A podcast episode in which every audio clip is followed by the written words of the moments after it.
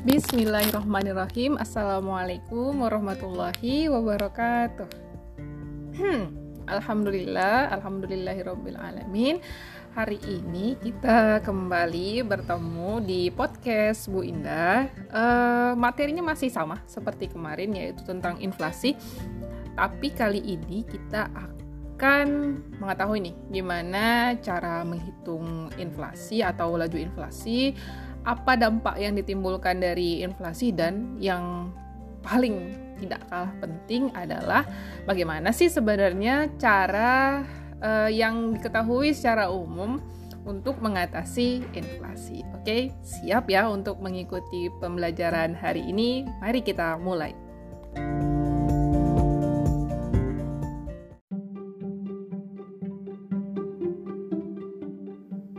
Setelah kemarin kita mempelajari tentang apa sih itu inflasi, lalu ada sebab terjadinya inflasi sampai ke jenis-jenis inflasi, kali ini kita akan masuk di pertemuan terakhir tentang inflasi yaitu bagaimana cara kita mengetahui uh, inflasi dari cara penghitungannya. Jadi kita pengen tahu nih sebenarnya uh, tingkat inflasi yang ada di negara kita itu sedang berada dalam kondisi yang oke okay, atau ini sudah dalam kondisi yang mengkhawatirkan gitu. Jadi kalau uh, untuk mencari tahu hal itu tentu kita harus melakukan perhitungan begitu ya karena kita tidak bisa melihat oh daya beli masyarakat turun ini di, di lingkungan saya langsung kita tetapkan inflasinya tinggi tidak bisa seperti itu jadi perhitungan inflasi ini ada tata caranya ada metode dan teknik penghitungannya yang benar dan kita juga akan bahas uh, apa yang ditimbulkan dari inflasi dan tentu kita juga akan membahas solusi atas masalah yang ditimbulkan dari inflasi. Siap ya? Nah, yang pertama, untuk menghitung laju inflasi, uh, ini sangat erat kaitannya dengan indeks harga.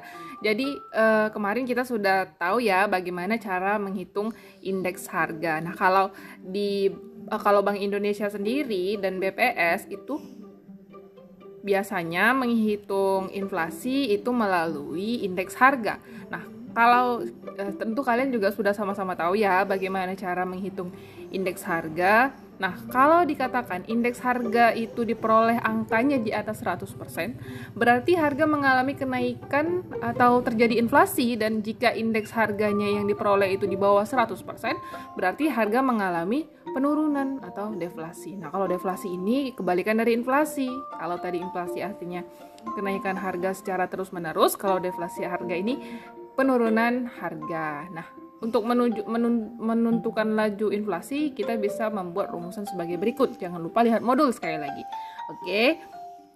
Laju inflasi itu dihitung dari uh, indeks harga periode ini dikurang dengan indeks harga periode lalu dibagi dengan indeks harga periode lalu. Nah, ini sesuai ya dengan perhitungan indeks harga ada tahun dasar dan ada tahun yang berjalan gitu. Jadi uh, kita hitung dulu nih periode sekarang nih misalnya tahun 2022 berapa itu indeks harganya dan dikurang indeks harga periode lalu bisa gunakan 2021 bisa gunakan 2020 begitu dibagi dengan indeks harga tahun dasarnya yang mana tadi yang kamu gunakan? Apakah 2021 ataukah 2020 begitu ya? Oke, sama-sama bisa kita pahami ya sampai di sini. Yang kedua, ada uh, untuk melihat nih apa sih dampak yang ditimbulkan dari inflasi. Nah, inflasi itu punya dampak yang sangat besar bagi perekonomian, tapi ternyata inflasi itu punya uh, dua sisi juga. Ada sisi positif dan ada sisi negatifnya.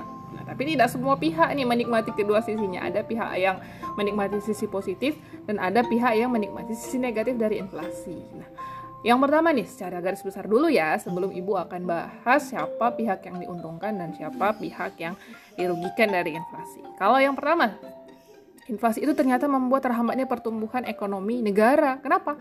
Karena berkurang nih investasi dan berkurangnya minat menabung gitu. Kenapa ya kok bisa berkurang minat menabung tuh uh, investor-investor akhirnya tidak tertarik untuk menanamkan modalnya di Indonesia. Begitu dan minat menabung kenapa berkurang ya daya beli masyarakat kan hari itu hari gara-gara inflasi itu rendah ya jadi mereka juga nggak akan punya uang untuk uh, disisihkan ke dalam konsumsi tabungan gitu. Yang kedua, masyarakat yang berpenghasilan rendah tidak dapat menjangkau harga barang karena harga barang yang melambung tinggi sementara penghasilan masyarakat itu tetap karena harga barang itu tadi pasti mengalami kenaikan gitu ya. Nah, jika terdapat kebijakan untuk mengurangi inflasi, maka akan terjadi pengangguran karena pemerintah akan berusaha untuk menekan harga. Nanti kita akan jelaskan di bawah kenapa bisa seperti itu. Nah, yang keempat, masyarakat akan cenderung untuk menyimpan barang daripada menyimpan uang gitu. Jadi, masyarakat akan lebih tertarik nih misalnya untuk saving atau menyimpan emas gitu. Kenapa? Karena dianggap eh, lebih berharga dibandingkan dengan uang yang setiap waktu nilainya bisa saja semakin merosot. Dan yang terakhir, nilai mata uang ini turun nih. Ini relate dengan yang keempat tadi karena adanya kenaikan harga barang. Oke ya. Nah, kalau tadi ya seperti yang ibu katakan sebelumnya ada pihak yang diuntungkan dan ada pihak yang dirugikan dengan inflasi. Kalau pihak yang diuntungkan tuh siapa? Eksportir atau penjual. Kenapa? Karena harga barangnya menjadi mahal gitu. Jadi dia mendapatkan keuntungan yang lebih tinggi. Kalau gitu yang rugi siapa? Kebalikannya berarti importir atau pembeli karena dia harus mengeluarkan uang lebih untuk membeli satu barang dibandingkan dengan periode sebelumnya. Gitu ya. Lalu kita masuk kedua, ada pihak yang dirugikan dan pihak yang diuntungkan. Kalau pihak yang dirugikan kedua itu ada kreditur atau pihak yang memiliki utang. Kenapa? Karena kreditur itu akhirnya menerima pembayaran utang dengan nilai uang yang lebih rendah dibandingkan saat dia memulangkan eh, saat dia meminjamkan uangnya. Begitu ya. Nah, kalau gitu yang diuntungkan siapa? Pasti yang memiliki utang gitu. Jadi dia memulangkan uang lebih rendah nilainya dibandingkan dengan saat dia meminjam uang. Gitu ya. Yang uh, ketiga, spekulan. Ini adalah pihak yang diuntungkan ketiga. Ini orang-orang yang berani berspekulasi. Dia menerka-nerka, oh kalau saya membuat perencanaan begini nanti akan terjadi seperti ini. Nah, lalu pihak yang dirugikan ini orang-orang yang berpenghasilan tetap. Kenapa? Karena orang yang berpenghasilan tetap ini uh, dia akan menghadapi kenaikan harga barang yang mahal ya sementara penghasilannya akan tetap segitu tentu daya belinya makin rendah nah pihak yang diuntungkan siapa ada pihak yang berpenghasilan tinggi atau besar nih yang keempat ya. Dan pihak yang dirugikan adalah pihak yang berpenghasilan rendah. Ini semuanya saling terkait. Nah ngeri ya inflasi itu ternyata. Nah karena kebanyakan masyarakat ah, bukan kebanyakan ya mungkin kalau berdasarkan data statistik masyarakat Indonesia ini masih uh, terkategori penduduk uh, beberapa tuh masih ada ya dikategorikan Indonesia ini sebagai negara uh, dunia ketiga ya kalau dikatakan UNDP itu atau negara-negara berkembang begitu. Jadi tingkat kemakmuran masyarakatnya itu belum terlalu tinggi begitu ya. Maka inflasi pasti lebih menimbulkan dampak negatif dibandingkan dengan dampak positif walaupun ada tapi hanya beberapa pihak yang menikmatinya. Cara mengatasi inflasi ini ada tiga yang pertama ada kebijakan moneter, ada kebijakan fiskal, dan ada kebijakan yang non moneter dan non fiskal. Nah untuk kebijakan moneter dan fiskal ini kita akan bahas di bab selanjutnya tentang kebijakan moneter dan fiskal. Jadi memang materi di semester itu saling terkait gitu ya. Nah kebijakan moneter, moneter ini artinya apa ya? Kita sudah bahas ya. Nah, moneter itu artinya yang berhubungan dengan perbankan. Jadi yang mempunyai kewenangan untuk menerapkan kebijakan moneter ini adalah bank Bank siapa? Bukan bank asal bank, tapi bank sentral. Kalau di Indonesia berarti namanya Bank Indonesia. Ada beberapa kebijakan moneter yang digunakan untuk e, mengatasi inflasi. Yang pertama ada politik diskonto atau suku bunga. Caranya dengan menaikkan suku bunga.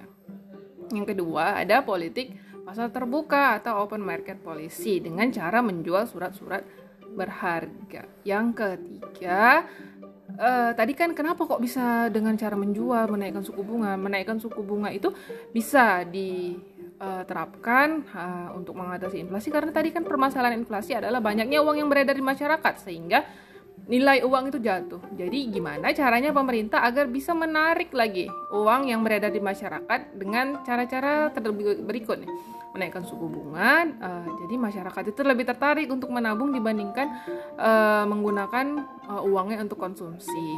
Lalu uh, ada politik pasar oh, politik pasar terbuka dengan cara menjual surat berharga misalnya ya sama ya dengan cara tujuannya ini adalah untuk menarik uh, uang yang beredar di masyarakat agar lebih sedikit gitu dengan cara misalnya menjual surat utang negara nah sertifikat Bank Indonesia. Nah, seperti itu ya. Lalu ada yang politik pagu kredit atau pembatasan kredit dengan cara bank itu membatasi pemberian pinjaman kepada nasabah. Yang keempat ada politik uang ketat atau tight money policy dengan cara mengurangi jumlah uang yang beredar ya ada politik cadangan kas atau giro wajib minimum dengan menaikkan cadangan kas di bank begitu. Jadi banknya akan berpikir gimana caranya agar cadangan kas hariannya itu bisa naik. Ada yang namanya juga tadi kalau tadi ada kebijakan moneter, ini ada kebijakan fiskal ini yang berhubungan dengan pendapatan dan pengeluaran negara. Jadi dalam hal ini ini adalah pemerintah yang punya kebijakan ini caranya untuk mengatasi inflasi ya, karena nanti ada kebijakan moneter dan fiskal ini juga digunakan untuk mengatasi deflasi. Nah, kalau untuk kebijakan fiskal mengatasi inflasi pasti dengan cara mengurangi pengeluaran negara. Mana pengeluaran-pengeluaran yang enggak atau pos-pos yang tidak penting itu akan dikurangi oleh negara.